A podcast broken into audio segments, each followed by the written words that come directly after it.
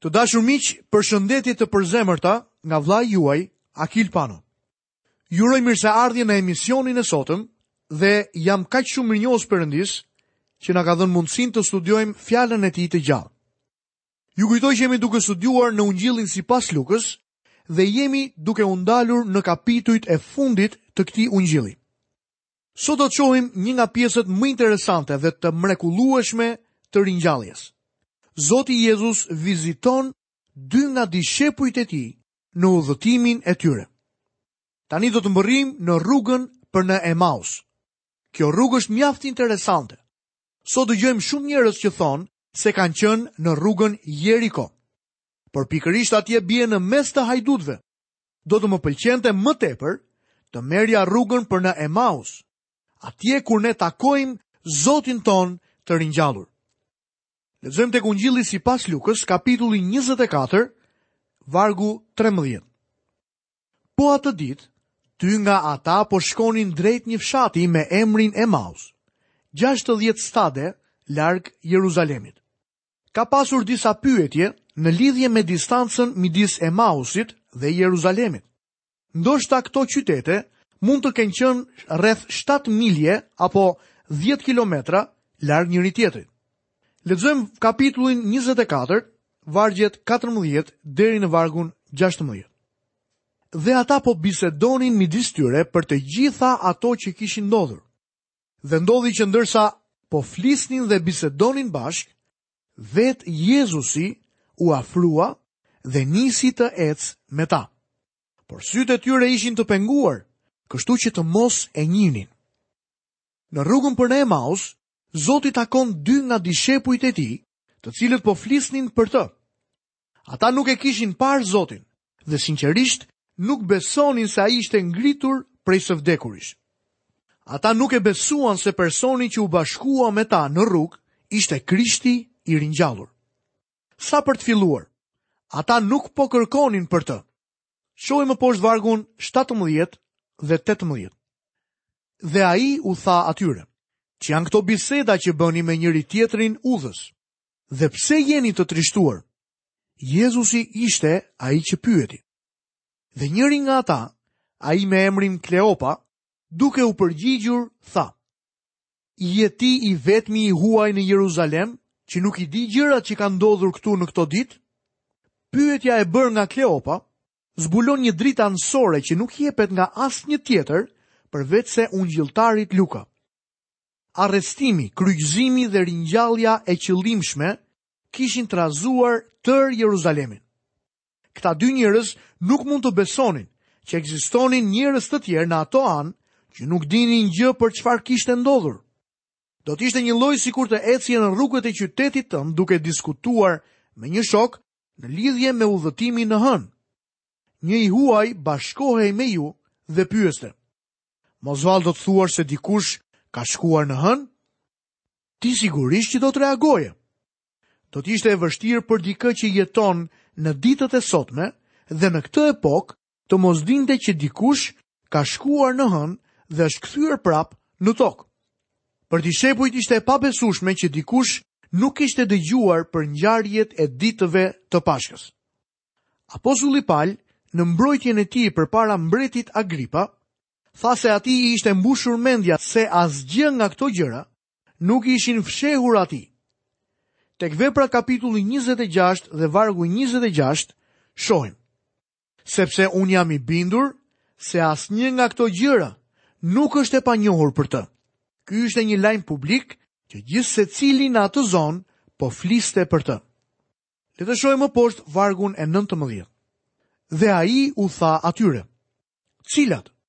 Ata i thanë, çështjen e Jezusit nga Nazareti, që ishte një profet i fuqishëm në vepra dhe në fjalë përpara Perëndisë dhe përpara gjithë popullit.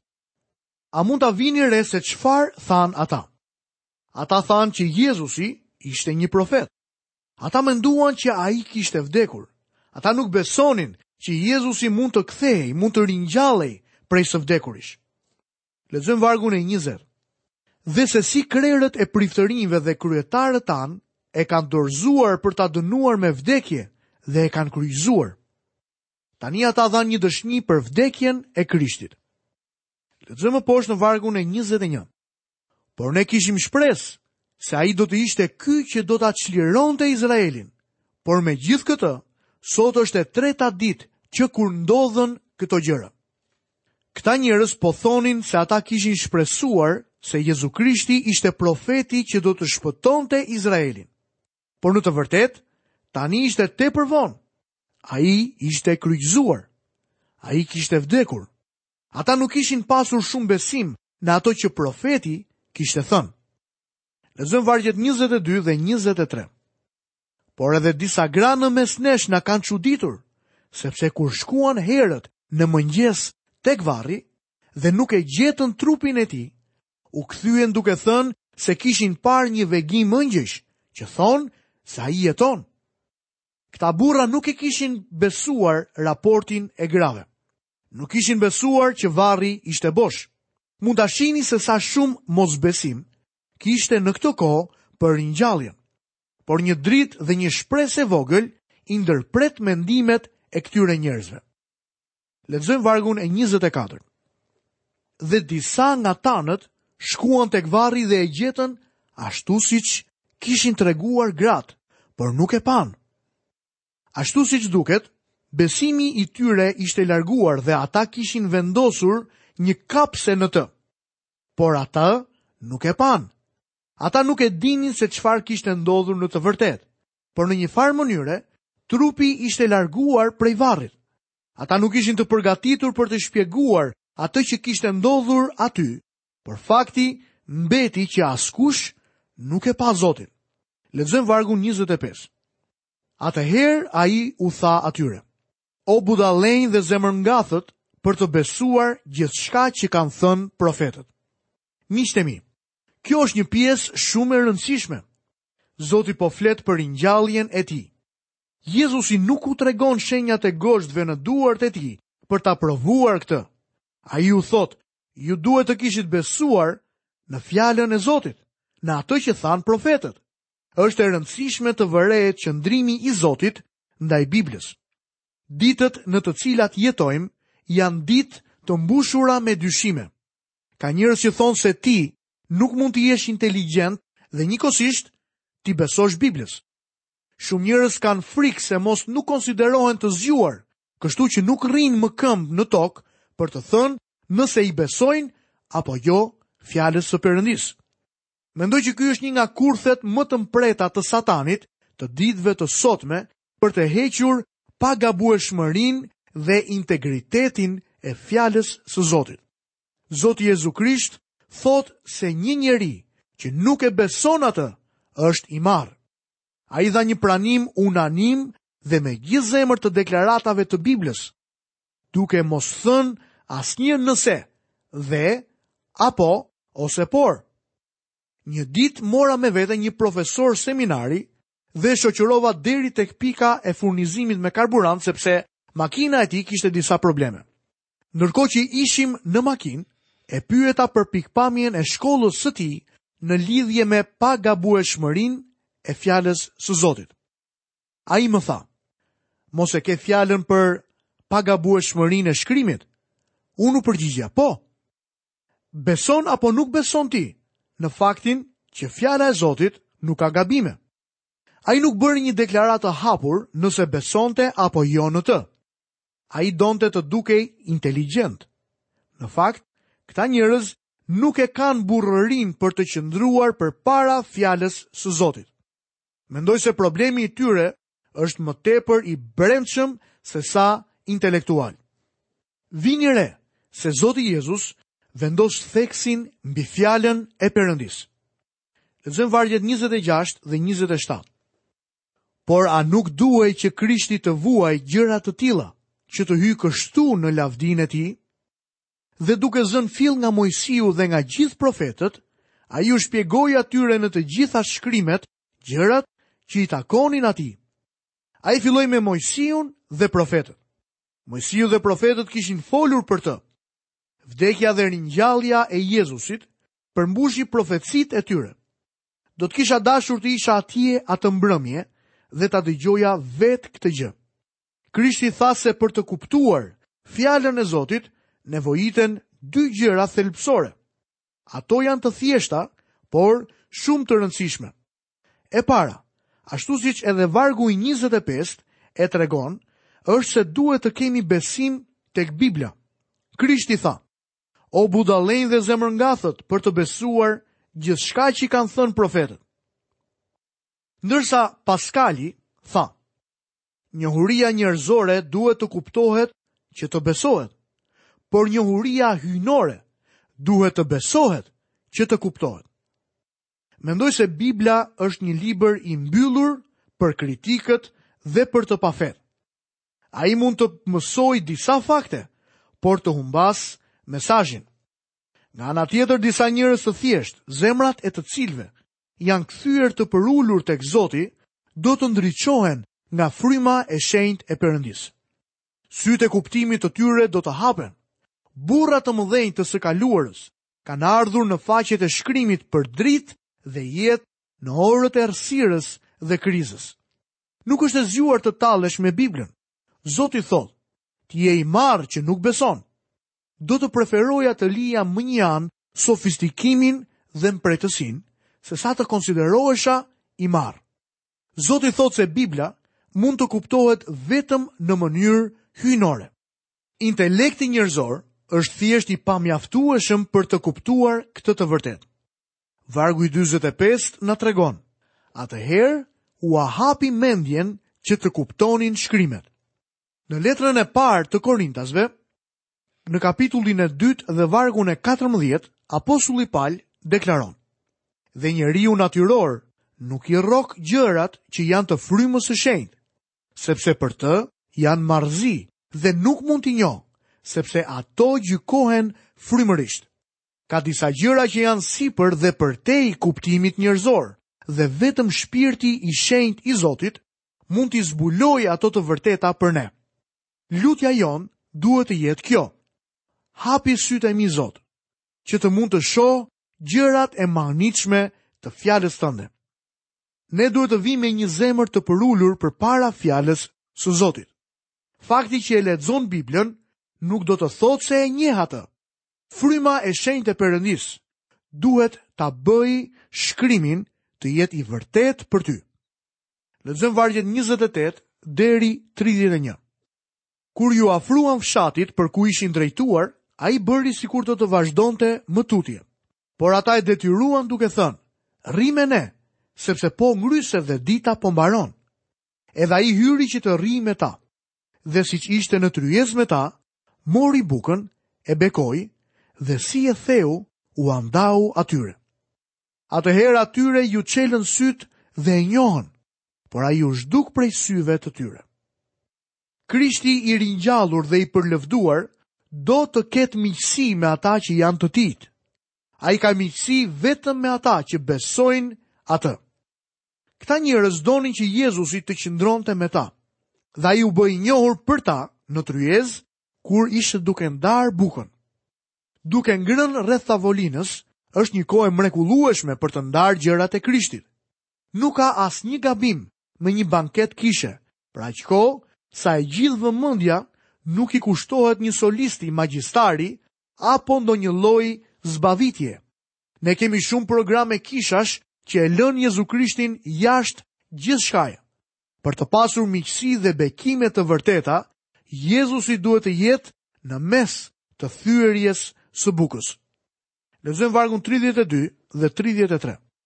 Dhe ata i thanë njëri-tjetrit, po a nuk na digjej zemra nga përbrenda, kur ai na fliste udhës dhe na hapte shkrimet? Në po atë çast, u ngritën dhe u kthyen në Jeruzalem, ku gjetën të njëmbëdhjetët dhe ata që ishin mbledhur së bashku me ta. Ata nxituan edhe pse ishte vonë me një lajm të mrekullueshëm. Lexojmë vargun 34. Ata thoshnin, Zoti u ringjall me të vërtetë dhe iu shfaq Simonit. Zoti Jezu Krisht iu shfaq Simon Pjetrit në mënyrë private, sepse ishte e nevojshme të sqarohej diçka. Mbani mend se Pjetri e mohoi atë. Restaurimi i marrëdhënies ishte një veprim privat dhe personal midis Pjetrit dhe Zotit të tij. Tani do të shohim më poshtë Jezusin, i cili shkon tek dishepujt e mbledhur e shfaq veten e tij përpara të njëmbëdhjetëve. Lexojmë nga vargu 35 deri në vargun 37. Ata atëherë treguan ç'u kishte ndodhur rrugës dhe se si kishin njohur atë në ndarjen e bukës. Dhe ndërsa ata po bisedonin për këto gjëra, vetë Jezusi u shfaq në mes tyre dhe u tha atyre, Paqja me ju. Por ata të tmerruar dhe gjithë frikë mendonin se po shihnin një frymë. Jam i sigurt që edhe reagimi ynë do të kishte qenë i njëjtë nëse ne do të kishim qenë atje. Lexojmë vargjet 38 dhe 39. Atëherë ai u tha atyre: Pse jeni shqetësuar dhe pse në zemrat tuaja po lindin dyshime? Shikoni duart e mia dhe këmbët e mia, sepse unë jam. Më prekni dhe shikoni, sepse një frymë nuk ka mish e eshtra, siç po shihni se unë kam. Nuk do dëshiroja që tani ta shtjelloja këtë pikë, por trupi i përlëvduar i Zotit tonë ishte mish dhe kocka dhe jo mish dhe gjak. Gjaku i Jezusit u derdh në kryq.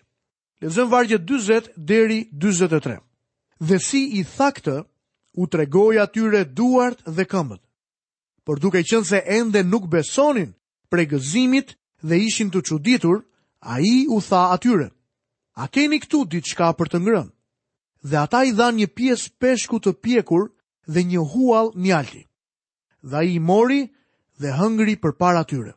Kjo është një arritje tjetër e ungjilltarit Luka, i cili e ndan me ne.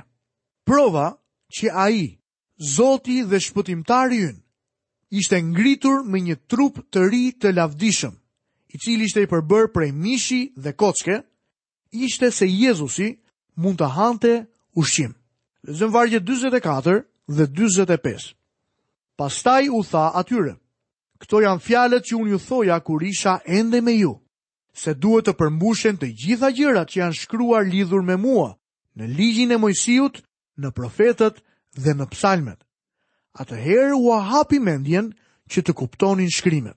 Ata thjesht nuk besuan fjalën e tij. Për të kuptuar Biblën, ti duhet të kesh shpirtin e shenjtë të Zotit, i cili do të hapi mendjen dhe zemrën. Vetëm shpirti i shenjtë mund ta bëjë studimin e Biblës të vërtetë dhe të gjallë për ty. Lexojmë vargjet 46 dhe 47. Dhe u tha atyre: Kështu është shkruar dhe kështu ishte e nevojshme që Krishti të vuante dhe të ngjallej së vdekuri ditën e tretë, dhe që në emër të tij të predikohet pendimi dhe falja e mëkateve ndër të gjithë popujt, duke filluar nga Jeruzalemi. Vini re pamjen tërësore të këtyre vargjeve. Pikëpamja këtu është mbarëbotërore. Ky ungjill duhet të shkojë deri në fund të botës. Le të shohim premtimin e Jezusit për frymën e shenjtë, vargjet 48 dhe 49. Dhe ju jeni dëshmitarët e këtyre gjërave. Dhe ja, unë po dërgoj mbi ju premtimin e Atit tim, por ju qëndroni në qytetin e Jeruzalemit, derisa të visheni me pushtet nga lart. Metoda e Jezusit ishte që njerëzit t'i dëshmonin botës. Mesazhi, lajmi i mirë, është që Jezusi vdiq dhe u ngrit sërish dhe duke i besuar atij, çdo mëkatar mund të shpëtohet. Fryma e Shenjtë është fuqia për ta mbartur dëshminë tonë në këtë botë. Le të shohim Jezusin i cili ngjitet në qiell duke bekuar dishepujt e tij. Lexojmë vargjet 50 dhe 51. Pastaj iu priu jashtë deri në Betani dhe si i ngriti lart duart i bekoi. Dhe ndodhi që ndërsa po i bekonte, u nda prej tyre dhe e morën lart në qiell. Zoti po i bekonte dishepujt. Kjo ishte pamja e fundit që ata panë për të. Kur të vijë herës tjetër, Jezusi do të vijë për të gjykuar botën Ai nuk do të vijë në gjykim për kishën. Ai do të vijë me bekime. Ne duhet ta presim me gëzim të madh ardhjen e tij. Lexojmë vargun 52 dhe 53. Dhe ata, pasi e adhuruan, u kthyen në Jeruzalem me gëzim të madh. Dhe rrinin vazhdimisht në tempull, duke lavdëruar dhe bekuar Perëndinë. Amen. Kjo është dëshmia e ungjillit të Lukës. Dëshmia që ky individ na jep për lindjen, jetën, vdekjen dhe ringjalljen e Zotit Jezu Krisht. Besoj se ka qenë një bekim për ju. Vetë zemra ime është bekuar, mendja ime është ndriçuar dhe vullneti im është forcuar përmes këtij studimi të Ungjillit të Lukës. Për shkak se studiova sërish këtë ungjill të mrekullueshëm të Lukës, unë dua ta njoh Jezusin akoma dhe më mirë. Shpresoj që edhe ju të bëni të njëjtën gjë. Jam kaq shumë mirënjohës Perëndisë që së bashku kemi pasur privilegjin të studionim varg pas vargu Ungjillin e Lukës. Falënderoj Zotin që sot ti dhe unë mund të gjendemi në një masë tjetër të njohjes tonë ndaj Perëndisë. Nga vëllai juaj Akil Pano, paçi të gjitha bekimet e Zotit në jetën tuaj. Perëndia ju dhëntë hir që jo vetëm t'i besoni fjalës së Zotit dhe ta njihni atë, por edhe të veproni në përputhje me fjalën e tij. Bashkë mirë u dëgjofshim në emisionin e ardhshëm.